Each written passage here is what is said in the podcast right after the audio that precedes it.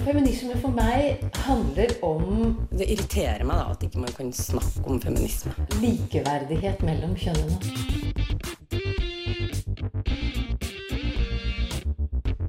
Det blikket på kvinnen på film. handlet det om å bli tatt på alvor som jente.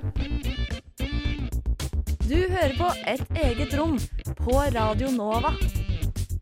Det er ingen automatikk i at kvinnelige statsledere også vil sette spørsmål som er viktige for kvinner på dagsordenen, har Gro Lindstad tidligere uttalt.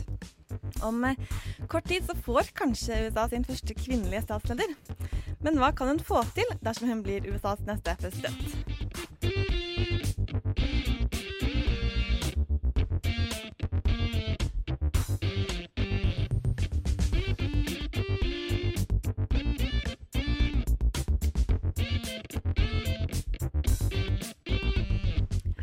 I morgen så velger altså, forhåpentligvis ingen stor overraskelse, amerikanerne sin neste president. Å, det er så spennende!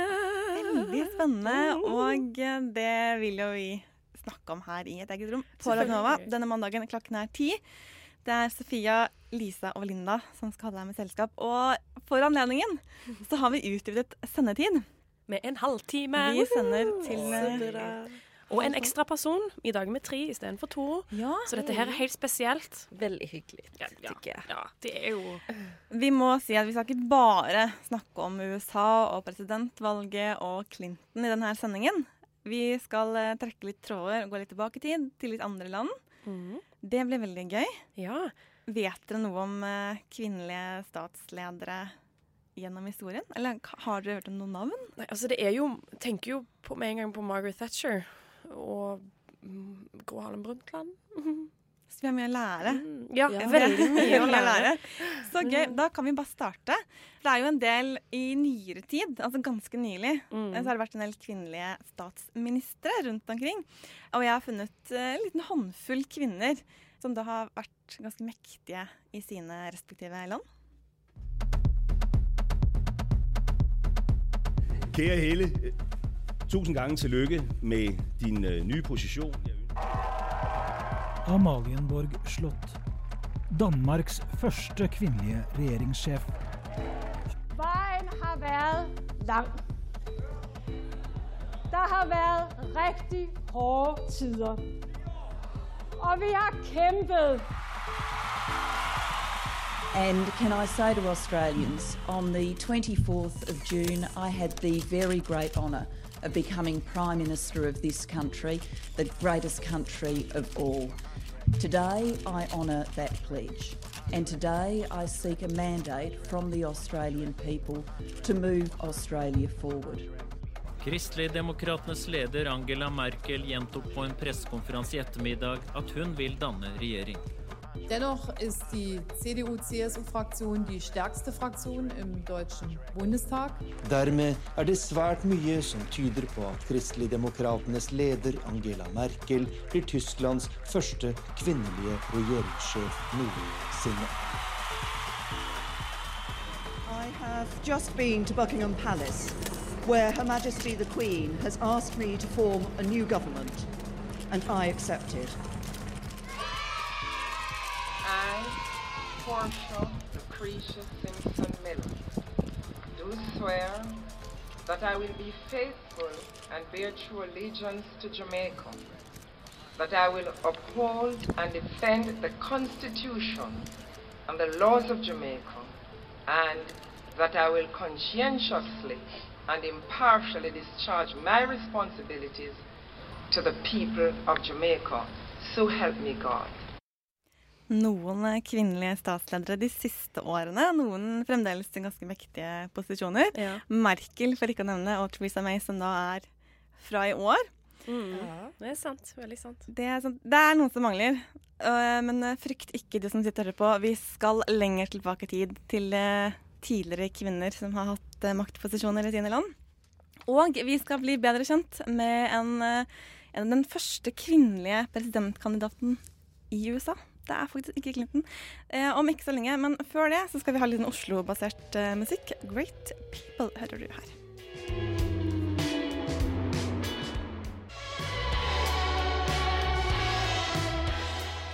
litt eh, drømmende pop om fremtiden, Oslo-bandet Great People og This Future. Hillary Clinton altså kan bli USAs neste president, den første kvinnelige presidenten. I morgen. Natt til onsdag. ja. Vi vil oss på det. Det som det har vært mye snakk om, er jo det at uh, hun er den første, eller at det med at hun er presidentkandidat, men hun er jo ikke den første kvinnelige presidentkandidaten. Nei, det virker på en måte som at hun er den første ordentlige. Men, Ordentlig men, store. Ordentlig store er vel det ordet. Men De. Grønne også blir det vel. De Grønne har jo også sin kvinnelige kandidat. Hun har jo ikke noen reell mulighet til å vinne, men det har jo vært en kandidat. Og for eh, 150 år siden, der var det også ei som prøvde å bli president. Ganske lenge siden. Men Eline Hystad, vår eh, reportervenn, hun har eh, dykket litt ned i hvem denne kvinnen var. Kan alle være enige om at det både er storslått og nydelig med en kvinnelig presidentkandidat. Men visste du at den aller første kvinnelige presidentkandidaten stilte allerede i 1872, altså 50 år før kvinner selv fikk stemmerett i USA? Hun het Victoria Woodhull, og i forhold til Woodhull så virker Clinton som et mildt sagt konservativt alternativ.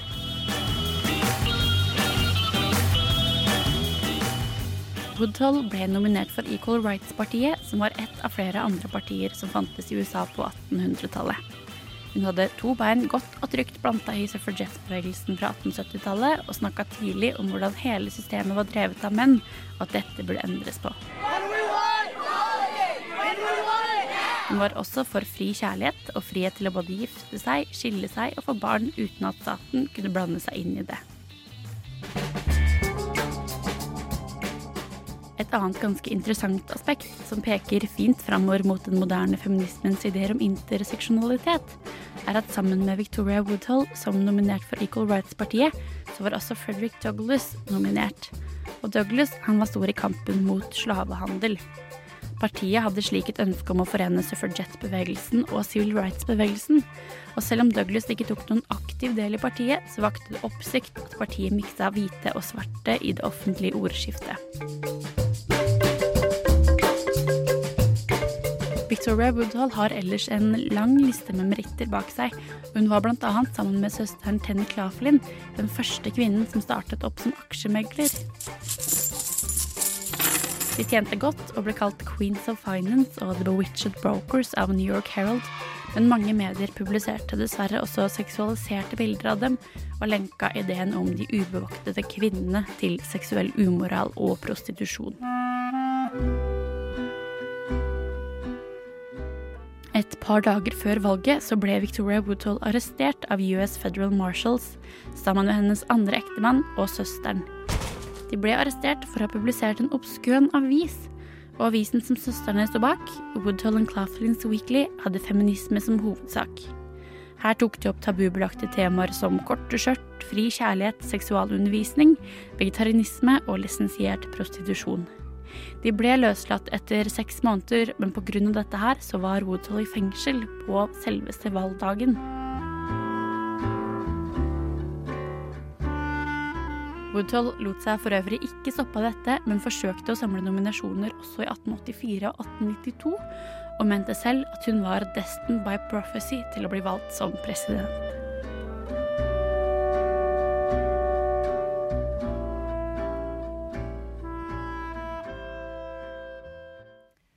Eline Istad var det som hadde sett nærmere på den første nominerte kvinnen. Eh, hun var 34 år da hun ble nominert. Så mange historikere er litt usikre på om hun faktisk var for ung til å være gyldig. Og for ikke å snakke om så hadde jo ikke kvinner stemmerett engang eh, i det hele tatt. Så det er jo ganske mange utroligheter rundt den nominasjonen her. Men vi skal tilbake til vår egen tid. Det her valget. Og vi har fått besøk av Gro Lindstad, som er daglig leder i Fokus. Men nå er du her bare fordi du er veldig interessert i Hillary Clinton og presidentvalget. Ja, jeg har vært en sånn eh, For det første er jeg litt sånn politisk nerd, og for det andre så har jeg eh, siden jeg var utvekslingselev til USA, da jeg rett etter ungdomsskolen, så har jeg vært eh, opptatt av eh, amerikansk politikk og amerikanske valg. Og eh, da jeg var utvekslingselev, så var det Jimmy Carter som ble valgt til president. Så, så da fulgte jeg nøye med. Du er jo en, en av de som har sagt at Clinton helt tydelig har posisjonert seg som en feminist. Mm. Vil du si litt mer om hvordan, hva slags synspunkter er det hun har? Altså, Hillary Clinton har jo eh, vært en, en, tydelig feminist helt siden hun gikk på college. Hun gikk jo på et eh, kvinnecollege som het Wellesley. Og i 1969, da hun gikk ut av eh, Wellesley, så var det første gang at de tillot en student å ha en sånn avslutningstale når de var, hadde sin graduation. Og den talen til Hillary Clinton den er det egentlig vel verdt å gå tilbake og høre på den dag i dag. For allerede da var hun ganske tydelig politisk, hun var tydelig feministisk. Hun eh, snakka om fattigdom og sosiale eh, saker, og hun tok opp viktigheten av utdanning for jenter og kvinner, og at hvis kvinner får utdanning, så kan man nå så langt som helst. Så, og så har hun fortsatt. Eh, så har vi jo alle sett hvordan hun støtte på problemet både da hun var som gift med Bill Clinton guvernørfrue. Hvor da i Arkansas så hadde alle noen forestillinger om hva guvernørfruer skulle være for noe. De skulle bare være litt pynt. Eh, mens Hillary Clinton mente mye politisk selv. Um, og mange sa vel også at da Bill Clinton vold, um, ikke ble gjenvalgt som guvernør etter første periode, så var det veldig mye Hillary Clinton sin skyld fordi at hun ikke tilpassa seg ordentlig. Er liksom det som blir slengt ut, og det sier jo noe om kvinnesynet i USA også. Så da, da, Bill Clinton stemte, stilte et valg på nytt igjen, så så man også at eh, Hillary Clinton hadde For det første hadde hun tatt etternavnet hans, for det hadde hun ikke tidligere. Da var hun bare Hillary Rodham. Mm. Eh, og det var det mange som reagerte på. Eh, så da ble hun Hillary Rodham Clinton. Og så hadde hun slanka seg og klippa håret og tilpassa seg, sånn at han skulle bli gjenvalgt. Og så var hun da bak i korridorene og hadde påvirkning på Bill Clinton på hans politikk, og sørget for at han også gjorde ting som var bra for kvinner. Eh, samme skjedde jo da han ble valgt til president, hvor hun eh, ble oppnevnt av han som leder for eh, et utvalg som skulle jobbe med ny helselovgivning. Og det ble det jo også masse kritikk på. Hvor hun da også jobbet med forslag til helselovgivning som både inkluderte seksuell og reproduktiv helse og rettigheter og mye annet. Og så ble hun jo fjerna der.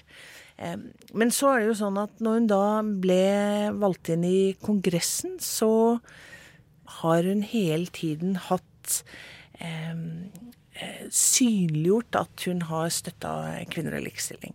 Hun har støtta eh, forslag til likestillingslov, likelønn, eh, lovgivning mot vold mot kvinner osv. osv. Vi kunne ramse opp ganske mye. Så ja. Kort, kort historie. Men har hun da vært med på å forme hvordan denne guvernørfruen, eller Den rollen? Ja, hvordan den rollen skal være? Hun har vel egentlig heller vært den som forsøkte å opponere mot den, og som så ble satt grundig på plass av amerikanerne eh, med beskjed om å innordne seg. Eh, og i Bill Clintons andre presidentperiode så var hun mye mer den presidentfruen som måtte stille opp og være den som pynta juletre og bakte chocolate chip cookies og måtte være det amerikanerne ville ha. For paradokset er jo det at USA som har så mye dyktige kvinner i høyere stillinger, eh, egentlig ikke liker kvinner i høyere stillinger, eh, og egentlig vil ha de mer hjemme, og eh, at de ikke skal være så synlige. Og det er jo noe av det vi også nå ser i valgkampen, ikke sant, med alle, alt det kvinnehatet som det at Hillary Clinton stiller, har utløst. Men hvor fremtredende er likestillingsperspektiven hennes i politikken hennes når hun reiser rundt og skal promotere seg selv? Altså Både da hun stilte til valg mot Obama og nå, så har hun jo vært veldig bevisst på at hun også skal være tydelig på likestilling. Mange trodde at den gangen hun stilte til valg eh, mot Obama, så var det noe hun gjorde bare for at hun visste at som kvinne så kunne hun tiltrekke til seg kvinners stemme. Og det stemmer egentlig ikke i det hele tatt, fordi at i USA så har det i en del år vært en organisasjon som heter Emily's List.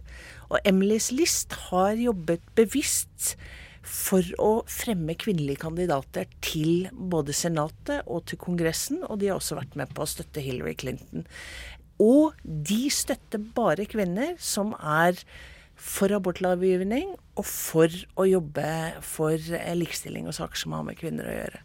Så eh, når Hillary Clinton nå har eh, vært så tydelig i denne valgkampen, så tror jeg i hvert fall veldig klart at det er fordi at hun mener noe med det. Og så er det jo sånn at eh, når vi kommer til onsdagen når hun forhåpentligvis blir valgt, så må hun begynne å vise det. Eh, og jeg håper jo at hvis hun blir valgt, at vi da får se en eh, regjering i USA som har 50-50 menn og kvinner som ministre. Har det skjedd før? Eller har det nei, aldri? Nei, det har aldri skjedd før. Så eh, hun burde jo ta lærdom av Trudeau da, i Canada og få en uh, regjering som er mangfoldig på mange måter. For hun har jo hele tiden nå appellert til kvinner, til afroamerikanere, til latino, til LHBT. Mm. Og det må hun vise 9.11., ellers så blir det en gedigen nedtur. Og hvis hun mener alvor med dette her, så, så må vi se det også. Ja. Mm. Så jeg er mer spent på det. Mm. Vi skal snakke med henne ganske snart om politikken hennes og hva hun forhåpentligvis klarer å få til. Men før det, hvis man trodde at rocken var død, så det amerikanske bandet Screaming Females de har demonstrert at det er den definitivt ikke.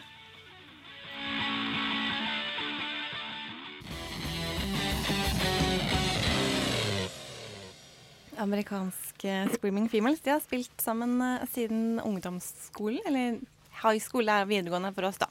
Ja, En god stund, altså. En god stund. Spilte ja. som ja, ti år. Eh, litt sånn rockefolk. Passer fint når vi skal rocke til presidentvalg og sånn.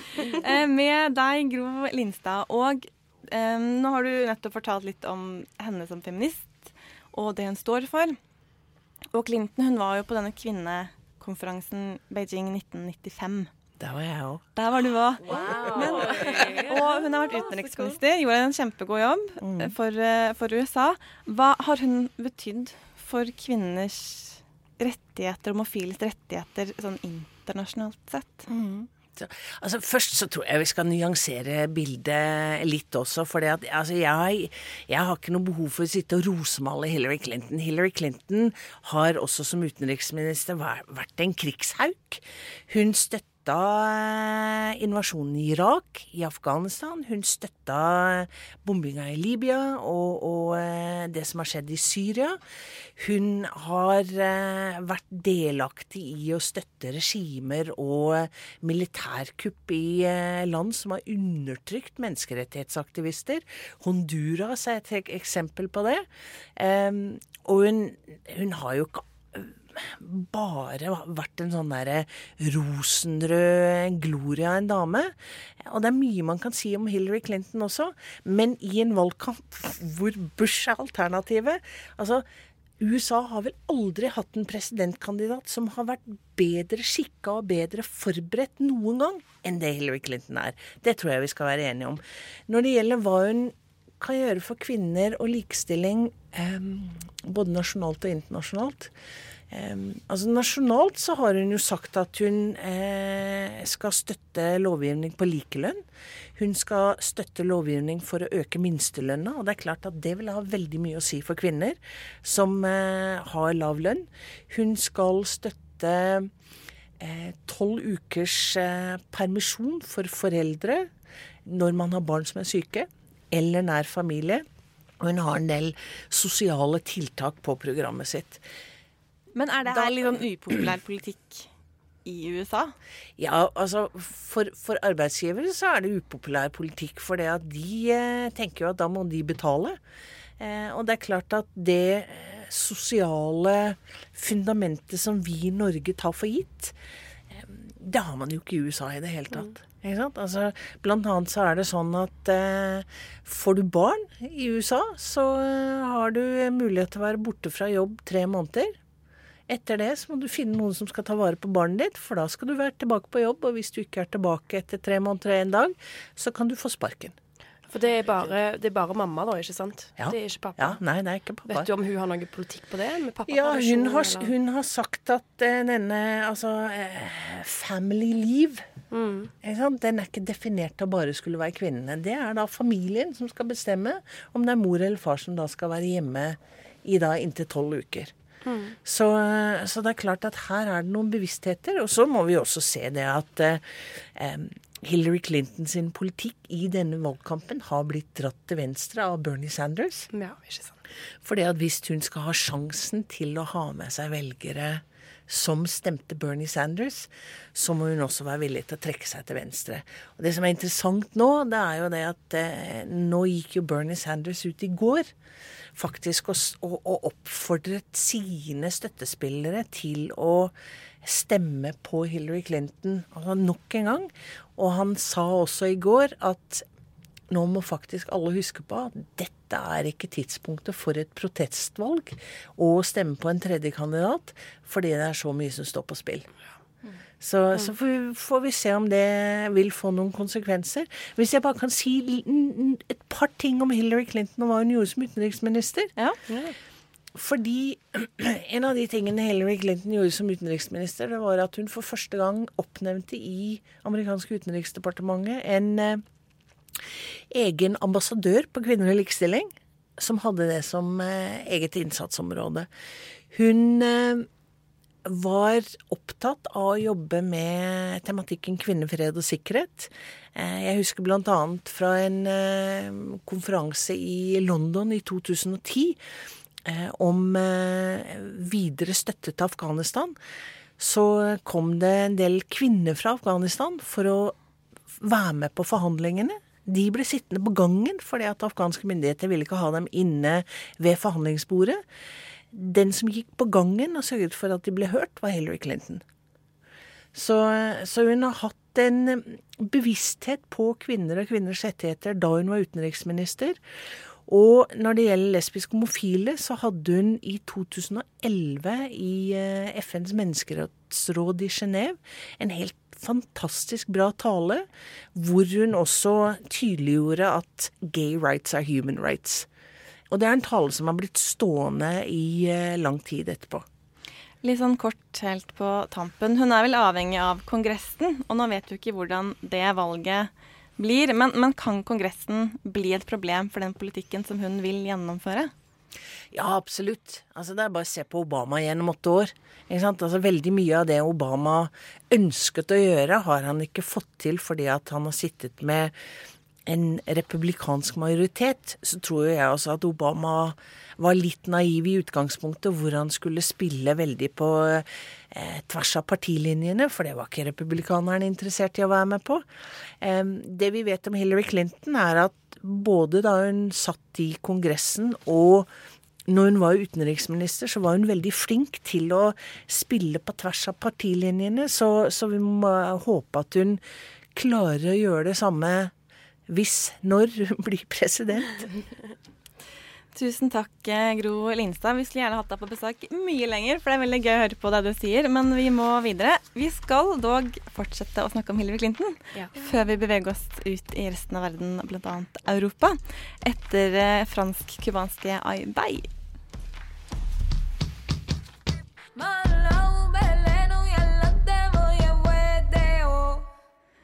Ai Bei, som betyr tvillinger, og det er de også disse tvillingsøstrene som synger på engelsk og det nigerianske språket yarobi. Feminist, a person who believes in the social, political, and economic equality of the sexes. Eget rom. Et eget rom. Et eget rom. Et eget rom. Et eget rom. Nå var jeg så fornøyd for at jeg skulle si dette nigerianske språket, og så sa jeg selvfølgelig feil. Det er yoruba. Bare så du ikke skal noen skal ta meg på akkurat det. Det er Sofia, Lisa og Linda som sitter her og snakker om politikk og statsleder og Hillary Clinton så klart dagen før det store valget Ja. i USA. Og det er jo, for oss som sitter her i Norge, litt sånn fascinerende, dette hatet mot eh, Hillary Clinton. Veldig fascinerende. fordi vi sitter jo her, og jeg, og jeg, sitter, jeg sitter her og tenker Jeg har tenkt det så lenge. Vet du hva? Hillary Clinton, hun er, hun er så bra. Og jeg kan ikke forstå hvorfor folk ikke liker henne. Altså, Jeg blir nesten rørt til tårer når jeg sitter og ser på henne snakke, når hun snakker om, om feminisme, om likestilling, når hun snakker om alt generelt. Så blir jeg skikkelig sånn Shit, hun er så bra. Eh, men samtidig så sier folk at det er som å velge mellom pest og kolera. Og jeg tenker på hæ, hvorfor det? Hvorfor er, det er veldig Ja. Nå, Gro Linsa sa jo dette med at eh, kvinnehatet er veldig synlig. Og senere så skal vi snakke litt eller høre litt om mediedekningen av Hillary Clinton. Men det er jo bare deler av saken. Ja, ikke sant? Og det hjelper vel ikke at Donald Trump jevnlig, bl.a. i sosiale medier, også på disse rallyene han har, snakker om hvor korrupt Hillary Clinton er pga. disse e-postene og disse e-postene som er slettet. Crooked Hillary. Ja, ikke sant. Hillary. Jeg tenker det jo må jo bare Altså, det kan jo ikke være hele bildet, da. Ikke Nei. sant? At det må jo være Men sånn som Gro Lindstad sa, da, så har jo Hillary vært på en måte veldig mye kanskje involvert i en del store kriger og en del sånn kontroversielle avgjørelser. Og det sammen med at du er litt sånn At du er litt sånn eh, Ikke stoneface, ikke sant, men at du er veldig alvorlig og seriøs. At du virker ikke så veldig sånn snill, kanskje. Så kanskje folk da tenker at hun er litt sånn maktsyk og litt sånn Ja. krigersk, eller Men uh, um, Ja, jeg skulle gjerne sagt mer om det her. Men jeg, jeg tenker at hun som kvinne har et helt annet rom enn det mannlige politikere har. Altså Obama har jo grått. Det gjorde også Bill Clinton. Han gråt på skjermen og viste masse følelser, og det Mm. likte amerikanerne. Disse følelsene. Ja. Men hadde hun gjort det, så tror jeg det hadde feilet totalt. Det er akkurat det, for det er det som er så vanskelig. ikke sant? Man må finne den balansen. For hvis hun griner, eh, så blir jo Så, så Så vil blir jo hun folk svag. Ja, ikke sant? Men hvis Hun må jo være sterk som mennene, liksom. Det, Ja, men hvis hun er for sterk, da sier folk at du er en kjerring. Altså, hun kan jo aldri vinne. Sant. det er jo det som er tinget. Du vinner ikke på en av de to Det er alltid noen som ikke kommer like henne. Ja. Men jag tror problemet er jo også at de snakker altfor mye om personlighet og alldeles for lite om policy. Alltså vad är det de här människorna faktiskt vill göra med landet? Mm. Det är ju för mycket drama och jag liker inte henne som person, jag liker inte honom som person. Men det er jo politikken som skal drives, det er jo det Ja. som er det viktige. egentlig. Og så er det jo litt uheldig, da, ikke sant, at hun på en måte tar over for Obama, som er så utrolig flink Ja. til å fange folk med Ja, ordene virkelig. sine. Og så, så det er jo litt sånn uheldig, da. Fordi at hun er jo ikke på en måte like flink retorisk som han, på en måte, eller like sånn fangende. Fengende. Det hun har fått kritikk for, er hvordan hun har svart på den e-postskandalen. At hun har taklet den litt dårlig. Mm. Eh, og du, Elise, har prøvd å finne ut hva denne skandalen egentlig handler om. Ja. Det skal vi høre litt om nå. I will release my tax returns when she releases her 33,000 emails. I made a mistake using a private email. Året er 2009. Barack Obama har sitt første år som president i USA, og Hillary Clinton blir utnevnt som utenriksminister i Obamas regjering. Som minister må Clinton selvfølgelig ha en e-mailadresse, men istedenfor å opprette en offentlig adresse med endelsen state.gov, som i forkortelsen government, valgte hun endelsen clintonemail.com. Dermed brukte hun sin private e-post i jobbsammenheng. Forklaringen hennes var at hun bare ville bruke én telefon, siden myndighetenes mobiltelefoner kun kunne knyttes opp til én e-mailkonto.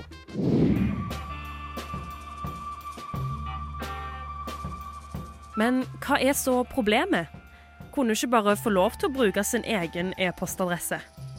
En stor del av poenget her er at en offentlig e-postadresse ville vært kobla opp mot myndighetenes servere. Istedenfor ble de kobla opp til en privat server. Det gjør det mulig for Clinton å velge hvilke e-poster som skal være tilgjengelige for offentligheten, og hvilke hun vil slette. Den amerikanske arkivloven sier at all skriftlig offentlig kommunikasjon skal lagres for ettertiden. Det er denne loven Clinton skal ha brutt. I tillegg inneholder òg denne typen e-mails ofte sensitiv og hemmelig informasjon. Og siden de har blitt sendt via og lagra på en privat server, vil risikoen for hacking være mye større. Again. Etter at hun gikk av som utenriksminister i 2013, hadde hun brukt sin private e-mail i offentlig tjeneste i fem år. Clintons advokater overleverte 30 000 e-poster til Utenriksdepartementet, i tråd med arkivloven. 32 000 e-poster ble derimot sletta av Clinton og hennes rådgivere, da disse ble sagt til å være private.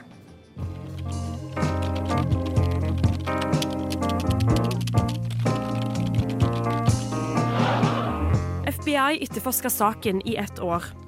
I juni 2016 konkluderte de med at eh, det ikke var hensiktsmessig å ta ut en tiltale mot Hillary Clinton for saken om e-postene.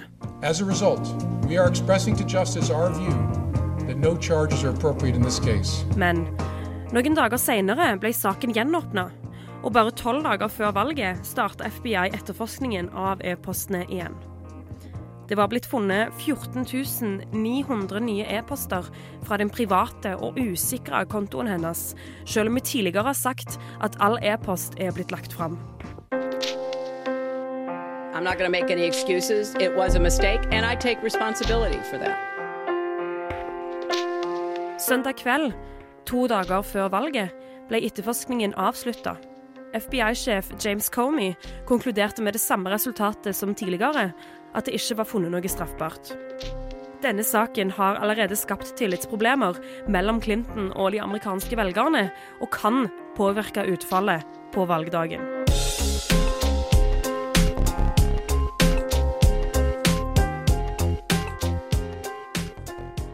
Det var Lisa Aasbø som her i et eget rom eh, ga oss litt forklaring om denne e-postsaken. Jeg fikk høre av Gro Linsa som var her før vi gikk i studio, at eh, Hillary ikke er den første utenriksministeren som har gjort det her. Nei, det var visst ganske vanlig å gjøre det. Eh, de også før henne har gjort akkurat det samme uten at de har fått den samme oppmerksomheten. Og hun fortalte også at Bush-regjeringen Mm. de hadde slettet sånn mye som over en million e-poster. Og det er jo langt verre enn disse 33 000 e-postene som Hillary har slettet. Det er jo veldig spesielt, Det er veldig mange. Eh, veldig mange. Vi skal ganske snart snakke mer om Hillary i mediene. Men eh, før det litt sånn eh, perkusjon med Aydin og bonsai.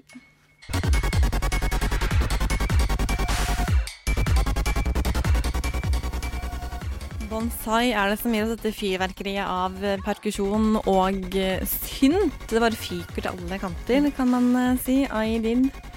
London-basert Ire. Spennende. Jeg liker ting som er litt sånn kaboom. Ja, Litt sånn rotete. Litt sånn Litt rotete. Ja. Tidligere i år så snakket jeg med Vorin Alme fra amerikanskpolitikk.no om kvinnelige politikere i USA, deriblant mediedekningen som de utsettes for. Og vi skal nå høre et lite utdrag for det her eh, intervjuet. Fordi at man har et eh, presidentsystem og ikke et parlamentarisk system, så er det jo automatisk sånn at man fokuserer mye mer på person enn man gjør på parti, eller altså på, på system generelt. Men, men det handler sikkert også om mediekultur osv. At man går veldig inn på person, og man krysser noen intimgrenser som, eh, som eh, man ikke er vant til at skjer i Norge. Og det, det gjøres også på en litt annen måte overfor kvinner.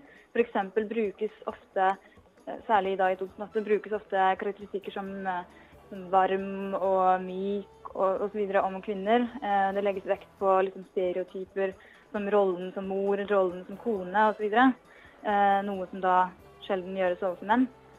Vi hadde jo bl.a. en episode fra 2008-kampanjen der hvor Hillary Clinton ble spurt i et politisk intervju hvem som var hennes favorittdesignere. Og hun svarte da med å si ville du noen gang spurt en mann om et klesspørsmål?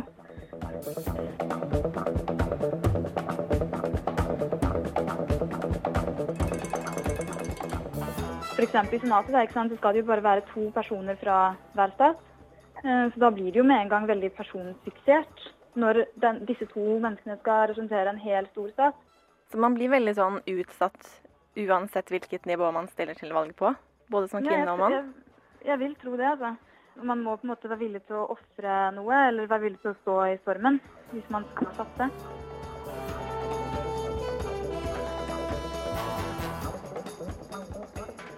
Nå har du vært innom eh, det her flere ganger, men, men kan du si litt mer om dette mm, med sånn hets og sexisme og kjønnsbaserte spørsmål?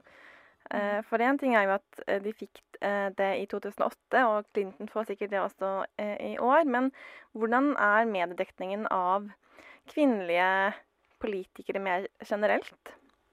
Jeg tror at den retorikken man så i 2008 var symptomatisk for den generelle eh, mediedekningen av kvinner i folkevalgte posisjoner, og at eh, det var første gang man virkelig så det på nasjonalt nivå. Jeg tror at det var på en måte da, Der ble det avdekket for et nasjonalt publikum og et internasjonalt publikum eh, at det var problemer eh, med synet på kvinner. Ikke bare i media sannsynligvis, men i samfunnet for øvrig. Marin Alme fra amerikansk politikk hørte du der om eh, kvinnelige politikere og mediene. Og jeg vet ikke om dere husker det her, men eh, Helle Thorning-Smith hun ble omtalt som Gucci-Helle i mediene. Fordi hun hadde så fine, dyre designervesker da hun begynte å bli kjent i politikken. Okay. og det nice. sier vel litt eh, om hvordan det er å være kvinnelig politiker Ja, i verden i dag. Jern-Erna har du vel òg, men det er vel kanskje ikke like ille. Men det är Nej. vanligt. De fleste blir kaldt for det. Ja. tenker jeg. Ja. Ja, sist uke så snakket vi om hekser. Mm. Og det er jo også når hun eh, Margaret Thatcher døde for noen år siden. Så var jo det her sånn herre Heksa er død. Ja, ja. Witch is dead. Hvordan eh, Ja. ja. Herre min, altså det er jo ganske utrolig hva slags ord folk tillater seg å bruke, spesielt og kanskje om kvinnelige politikere. Eh, og at det, på en måte, det bare blir så urimelig. Eh, at det blir på en måte kommentert på utseendet i mye større grad, og bare Ja. ja. ja det, det var det Lisa hadde å si om- om det. Men det er jo vanlig. Utseende blir liksom på noe sett en stor grej. Det Men det var jo veldig interessant det som hun Gro Lindstad fortalte. Eh, Mhm. At for at eh, Bill Clinton skulle bli gjenvalgt som guvernør, var det vel, i Arkansas, at hun skiftet stil, slanket seg, klippet håret for å bli mer sånn tekkelig som guvernørfrue. Ja. Og det har jo bare med hvordan hun fremstår som kvinne. Det har jo det. Altså, det er jo veldig mange norske politikere som har på en måte f.eks. Erna Solberg. da. Hun har jo senka stemmen sin ned, en toneleie, da, for å virke mer seriøs og være mer rolig og sånn som det. Og det skal jo, det skal jo egentlig ikke være nødvendig, på en måte. For ikke, ja, for to uker siden, tror jeg, så var professor eh, Sean eh, Perry Giles Hun var i Norge på besøk for å snakke om Hillary Clinton i mediene. Og Sofie, du har snakket med det. Det har jeg. Ja, eh, Om akkurat dette her, og hvordan hun har blitt eh, mediert portrettert i nyhetsmediene.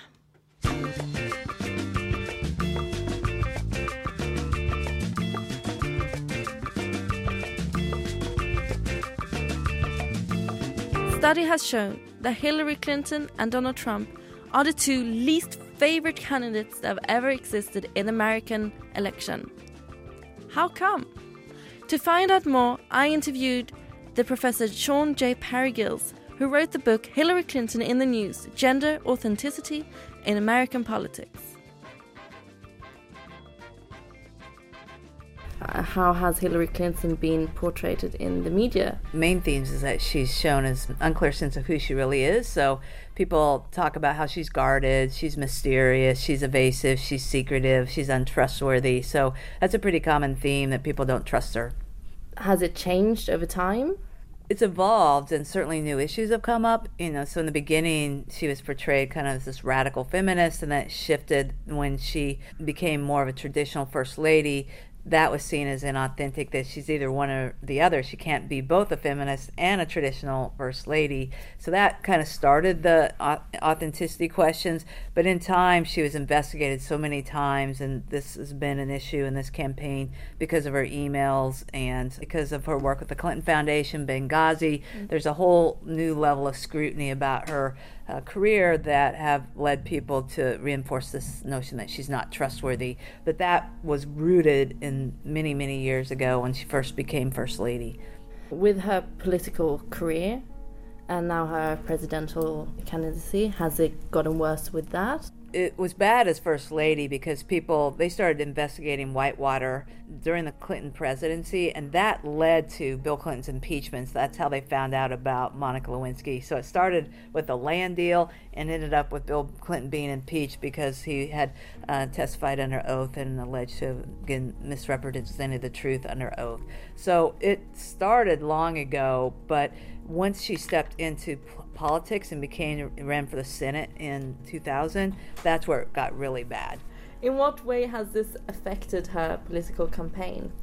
Well, I think she always has to figure out. She's always trying to negotiate and trying to appear more genuine and authentic. And so she goes into every campaign, I think, trying to be more likable, trying to be more genuine, trying to showcase who she is. She'll talk about her grandchildren. She'll, you know, go on talk shows that where they are more targeted towards questions about cooking rather than policy questions. But it just comes off as it's not genuine because people see her as this kind of feminist policy wonk who, you know, there's something questionable about whether, and I think it comes down to, it's like she's this policy wonk, but they have a hard time seeing her as a wife and a mother when she's both. All of the all of that and most women live their lives like that but we at least in the media coverage of her don't see her that way she's either this or she's that and if she can't be both it just seems irreconcilable which is shows you the complexities of gender i think In what way, if any way, does gender play a part in this? I, I, I mean, people answer this differently. I think it plays its huge part. I think because she came in as a going to be first lady who's going to be more untraditional in the sense that she was she led the healthcare campaign reform for her husband and no other first lady had done that. So she was very outspoken on issues. She knew the issues as well as he did. She can you know was involved in a lot of policy decisions. That's not typical.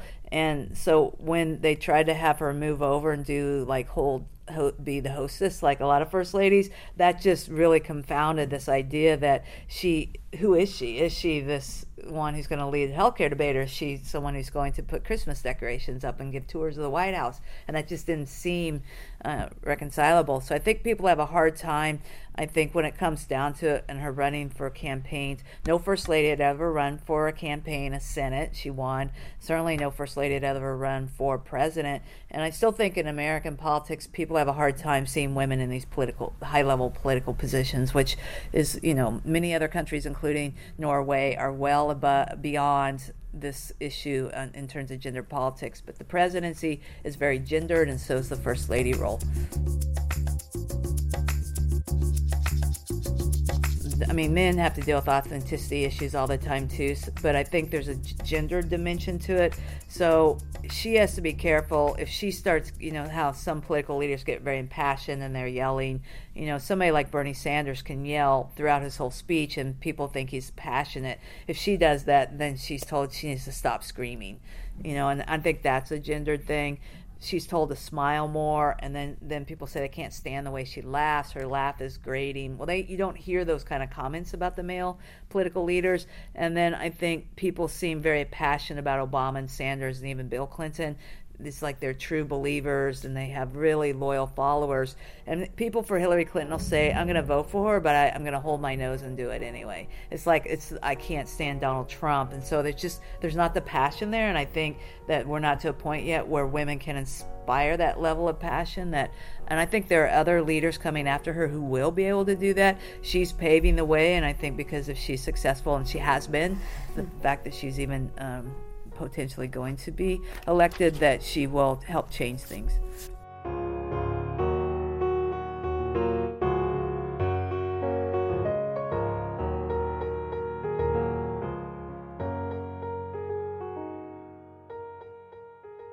Sofie var det som hadde snakket med professor Sean Perry Giles om eh, medier og Hillary Clinton. Cosmic Lay startet som en duo og er nå et seksmannsband. Vi skal ha litt sånn juicebox-toner.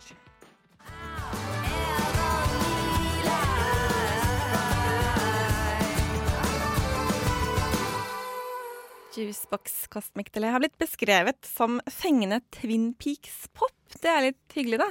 Jeg vet ikke helt om jeg ser helt Twin Peaks inni her, men kanskje Nei, Ikke jeg heller, men, men altså det var, Kanskje. kanskje ja. Litt uh, norsk, og det passer fint, fordi ganske snart så skal vi til Norge.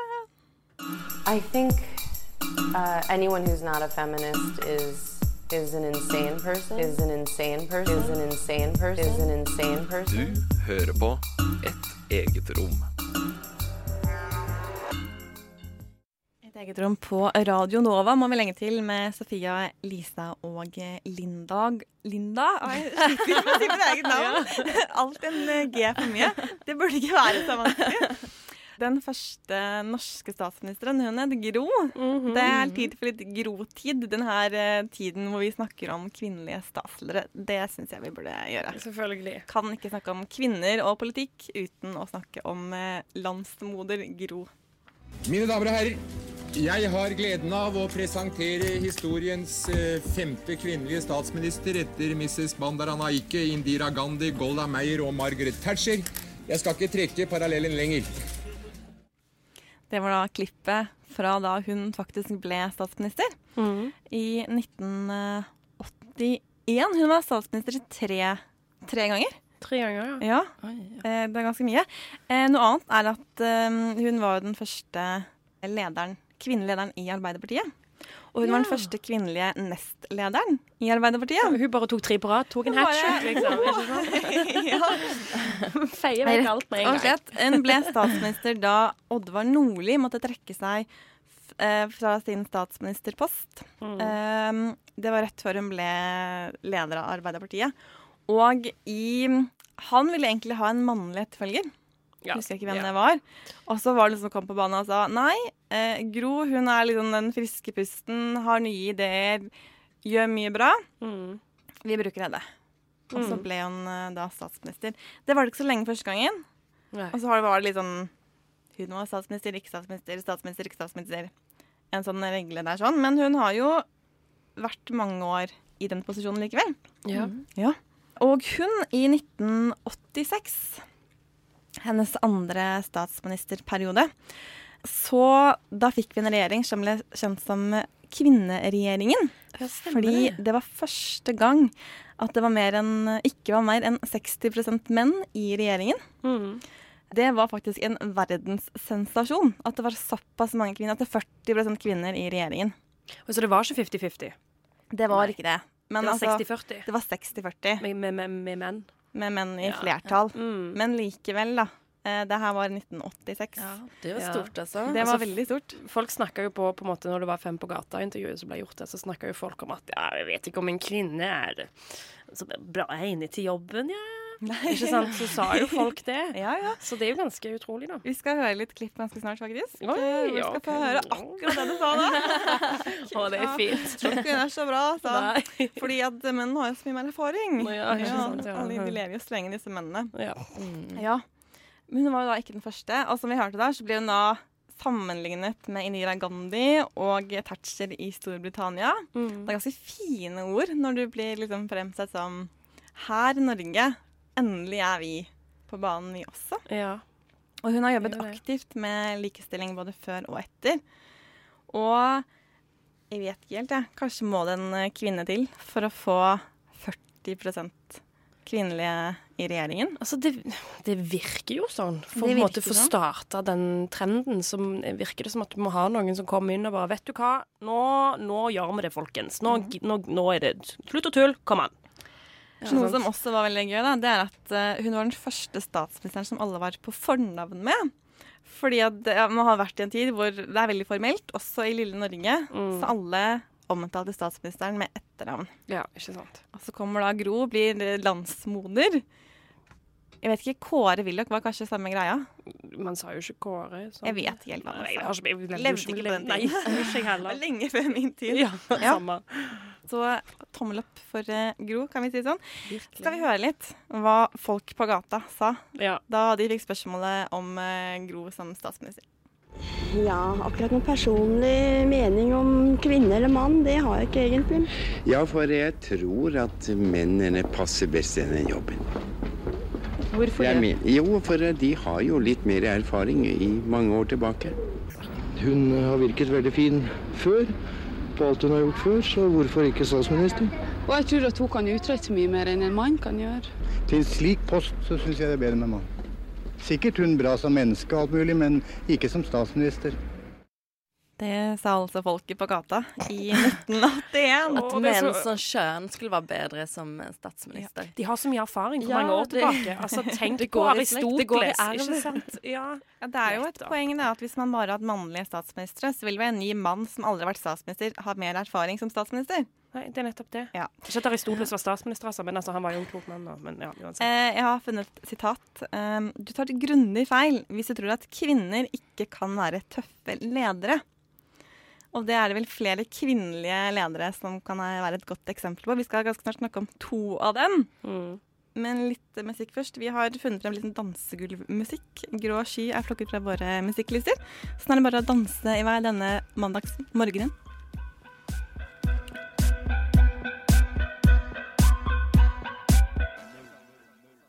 Svartehull, dansegulv, grå sky. Du som er sliten og sinna og lei. Nå vil vi synge ei vise til deg om at kvinner kan si fra, protestere og slåss. Bli med hos oss. Du hører på Et eget rom. Likestilling kommer ikke av seg selv. Og nå skal vi videre til eh, et stort øyeblikk eh, i den tiden, 1979 i Storbritannia. Very excited, very aware of the responsibilities. Her Majesty, the Queen, has asked me to form a new administration, and I have accepted. It is, of course, the greatest honour that can come to any citizen in a democracy. I know full well the responsibilities that await me as I enter the door of number 10, and I'll strive unceasingly to try to fulfill the trust and confidence that the British people have placed in me and the things in which I believe. Ja, Hvis du ikke gjettet hvem det var, så Lisa, det vet du. Ja, det var nok Margaret Thatcher. Det altså. var nok det, ja. Men var det folk som bua i bakgrunnen der? Litt usikker. eh, Hørtes jo ut kan som det. nok hende at det var litt buing der òg, ja. Stort som protest. Hun var jo ikke veldig populær. Det var hun jo ikke. Nei, det var hun ikke. Jeg syns det er veldig Så det kan jo være Altså, Vi snakker om 1979, eh, og Storbritannia. De er jo ikke akkurat kjent for å være veldig progressive. De er jo litt sånn konservative. og så får de da eh, en kvinnelig statsminister i 1979. Veldig Ja. tidlig. Ja. For jeg kan jo forstå hvis folk på en måte bua etter, etter på en måte hun var ferdig som statsminister, for hun gjorde jo veldig mye eh, kontroversielle greier, eh, og ble ikke så populær pga. det. Men nå vet jo ikke jeg om hun var upopulær allerede når hun ble satt inn som statsminister, men hun ble jo stemt fram. Ja. Sånn at ja, Men uansett, da. Hun satt jo fra 1979 til 1990. Ganske lenge. Veldig lenge. Eh, og jeg har på en måte alltid vært litt sånn i tvil rundt Margaret Thatcher. Fordi eh, med tanke på politikk, sant, så gjorde hun jo ganske mye mye mye kjipt, og altså, personlig, altså min personlige mening, da. ikke sant? Hun strider jo mot alle mine på en måte, prinsipper. At hun er jo konservativ, ødela masse fagforeninger, og det var liksom veldig mye Men samtidig så hadde jo fagforeningen veldig mye makt i Storbritannia på denne tiden. Men hun gjorde jo veldig mye, da, og som, altså, som gjorde at folk ble veldig sinte og opprørte. Men samtidig, da, sant, så var hun jo, eh, var jo ei dame badass. Hadde oh, ja, så mye respekt fra på en måte alle verdensledere. De var liksom virkelig sånn der Å, der kommer hun. OK, nå, nå folkens. Nå, OK, nå, okay, nå må vi, nå må vi er, er vi klare, eller? Er vi klare? OK, nå, nå kommer hun. Nå kommer hun, liksom. Ikke sant? Det er liksom sånn mystikk rundt henne fremdeles, Ja. egentlig. Ja, men bare det at hun hadde så mye Hun hadde utrolig, utrolig mye makt. Hun var så badass, hadde så mye respekt, og på en måte Jeg føler kanskje Hun baner jo vei, men samtidig så Ja. Jeg syns hun er veldig interessant, da, kan man vel egentlig si. Ja. Um, sånn feministisk sett, da. Særlig det at hun var så utrolig konservativ. Ja. Uh, nå hørte vi tidligere et klipp eh, fra et intervju med hun Vårin Alme, og det jeg har tatt bort, er jo hvorfor det er så mange flere kvinnelige politikere i Det demokratiske partiet enn i Republikanerne. Det er ganske stor forskjell. Ja. Og hennes teori er jo det at demokratene er mye mer progressive, mye mer på denne likestillingsballen. Ja. Eh, at det kanskje kan forklare hvorfor det fenger flere kvinner, og hvorfor flere kvinner engasjerer seg. Men sen er det vel litt sånn også når du ser på undersøkelser hva kvinner og menn stemmer for, Så ser man jo ofte at kvinner stemmer mer liberalt, altså mer eh, på venstresiden enn hva menn gjør. Så det er vel litt også det som gjør at flere kvinner søker ved seg til eh, Det kan veldig godt være. den siden. Men derfor så syns jeg det er så interessant at hun gjorde så mye og var så konservativ. Kanskje det er litt, Ja. det er litt mystikken ligger sånn i ettertid, vi som ikke Ja. opplevde hon det. var, ju, hon var ju väl inte heller en sånn att hon visade väldigt, hon visade ju inte emotions och hon var ju väldigt eh, kall och eh, Ikke sant? väldigt For jeg tenker liksom Når du skal være en på en måte kvinnelig politiker eller være en presidentkandidat, eh, og, er, og du er dame, så har du måte har du et valg du må på en måte ta. da. Hvilken vei vil du gå? Vil du gå den veien på en måte å være veldig veldig femi- feminin, f.eks. Sarah Palin? Eller vil du gå den andre veien, som på totalt andre siden av skalaen, f.eks. Margaret Thatcher, da, og på en måte være veldig sånn stoneface? En eh, politiker som kanskje har formet og hatt like mye betydning over like lang tid som Thatcher, det er jo Merkel. Eh, Ja. I, eh, I Tyskland, som ble rikskansler i 2005 og har hatt enorm betydning, særlig i EU, da, i mer enn ti år. Ganske utrolig, egentlig.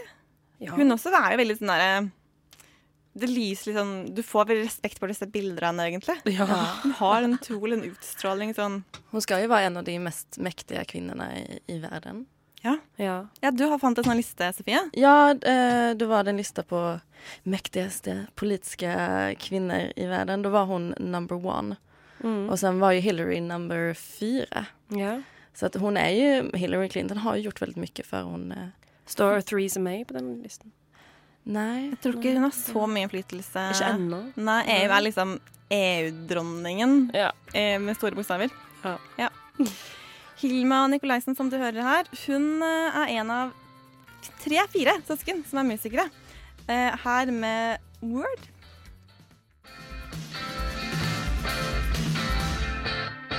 Litt sånn eh, hopp med skurr, kan man kanskje si. Hilma Nikolaisen, hennes første album kommer altså om tre uker. Det er det vi har hentet denne låten eh, her. Eh, nå skal vi til Finland ei lita tur. Det eneste jeg vet, er det at man er jo ekko av sine omgivelser. Og hvis jeg er ekko av det jeg har opplevd eh, som islending i islendingenes hjerte, så er jeg stolt av det. Hva tror du er årsaken til at du vant denne serien? Jeg vet det faktisk ikke. Jeg tror det er kanskje det at man har sett i meg noen ting som man kjenner i seg selv her på Island. Har du vunnet fordi du er kvinne, eller på tross av at du er kvinne? Begge deler, tror jeg. Nå ble jeg korrigert her fra siden. Det er Island, det er ikke Finland. Og det hørte dere kanskje også i klippet. Søren, altså. Det er, ja. Island, Vigdis Finnbogadottir. Mm. Hun ble da statsminister i august 1980. Den første demokratisk folkevalgte presidenten i verden. Ja, for det, da, var det ikke Margaret Thatcher, selv om hun var i Eh, 1979. Hun var jo da eh, statsminister. Det må vi jo skille litt her. Ja, ja, ja, selvfølgelig. Nå er vi på presidentnivå. Men hun var ikke den første presidenten i verden. Det var hun ikke. Men den første folkevalgte. Men det er jo på en måte stort i seg sjøl, det. Det er altså. stort i det seg. Det er stort i seg selv. Krever en egen post. Demokratisk og- valt, det er veldig stort. Att Ja. folk har gått og stemt på henne. Eh, og hun var én kvinne som stilte mot tre menn. Så det er jo Jeg syns jo at det var godt gjort å vinne. Ja, er du gal. Jeg tror ikke man skal helt se bort ifra, eh, men hvor stor påvirkning det hadde, det vet man jo ikke. Men um, Thatcher var jo da statsminister i England, og Golda Meir var statsminister i Israel. Så det Mm. var jo andre kvinnelige ledere i verden før, som, ja. som var ikke så langt unna. Så da virka det ikke så sinnssykt, på en måte. Nei. Nei. Hun ble gjenvalgt i 1984, 1988 og 1992, og er den kvinnelige presidenten som har sittet eh, lengst som statsoverhode i verden. 16 år satt Oi. hun som eh, president. Og eh, hennes motto, det var 'Never let eh, the woman down'. Eh, og har jobbet masse for å promotere kvinners utdannelse og kvinners ja, rettigheter i arbeidslivet, egentlig. Eh, I tillegg til at hun var veldig opptatt av islandsk kultur og språk.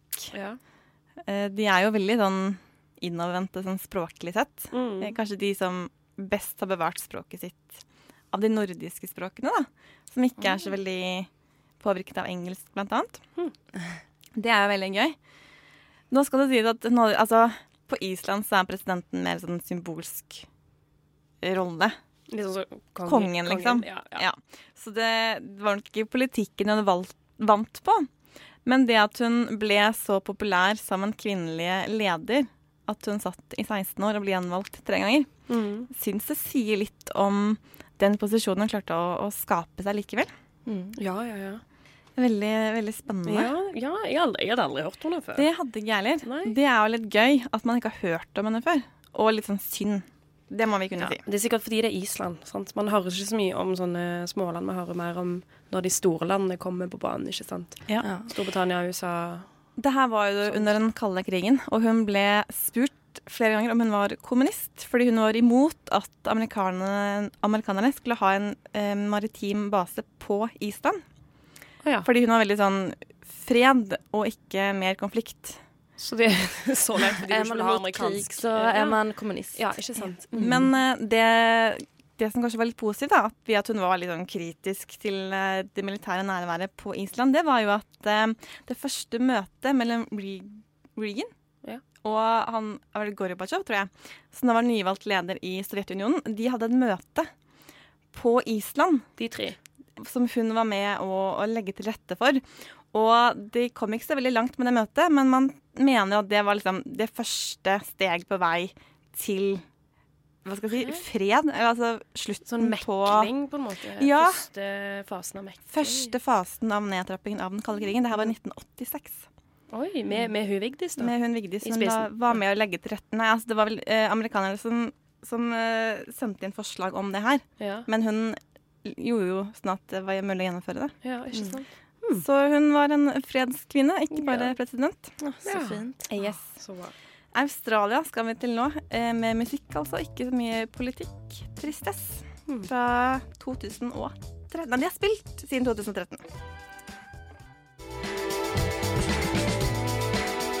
National Foreign er det vi hører nå. Tristess.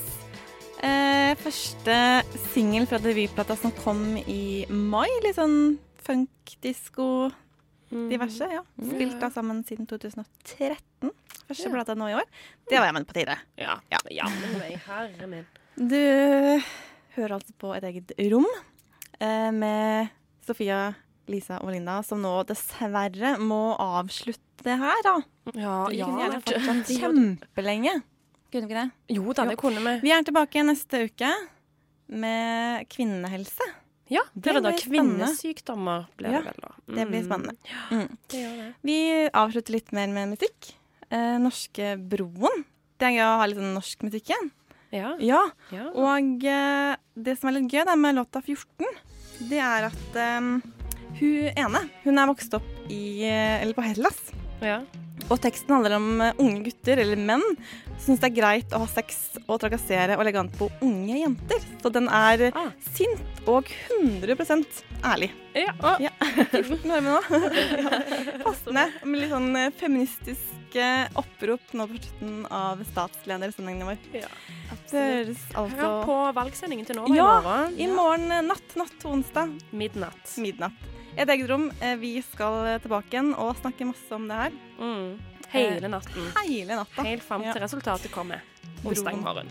Her er 14. Radio Nova. Du har hørt en podkast fra Radio Nova. Likte du det du hørte? Du finner flere podkaster i iTunes og på radionova.no.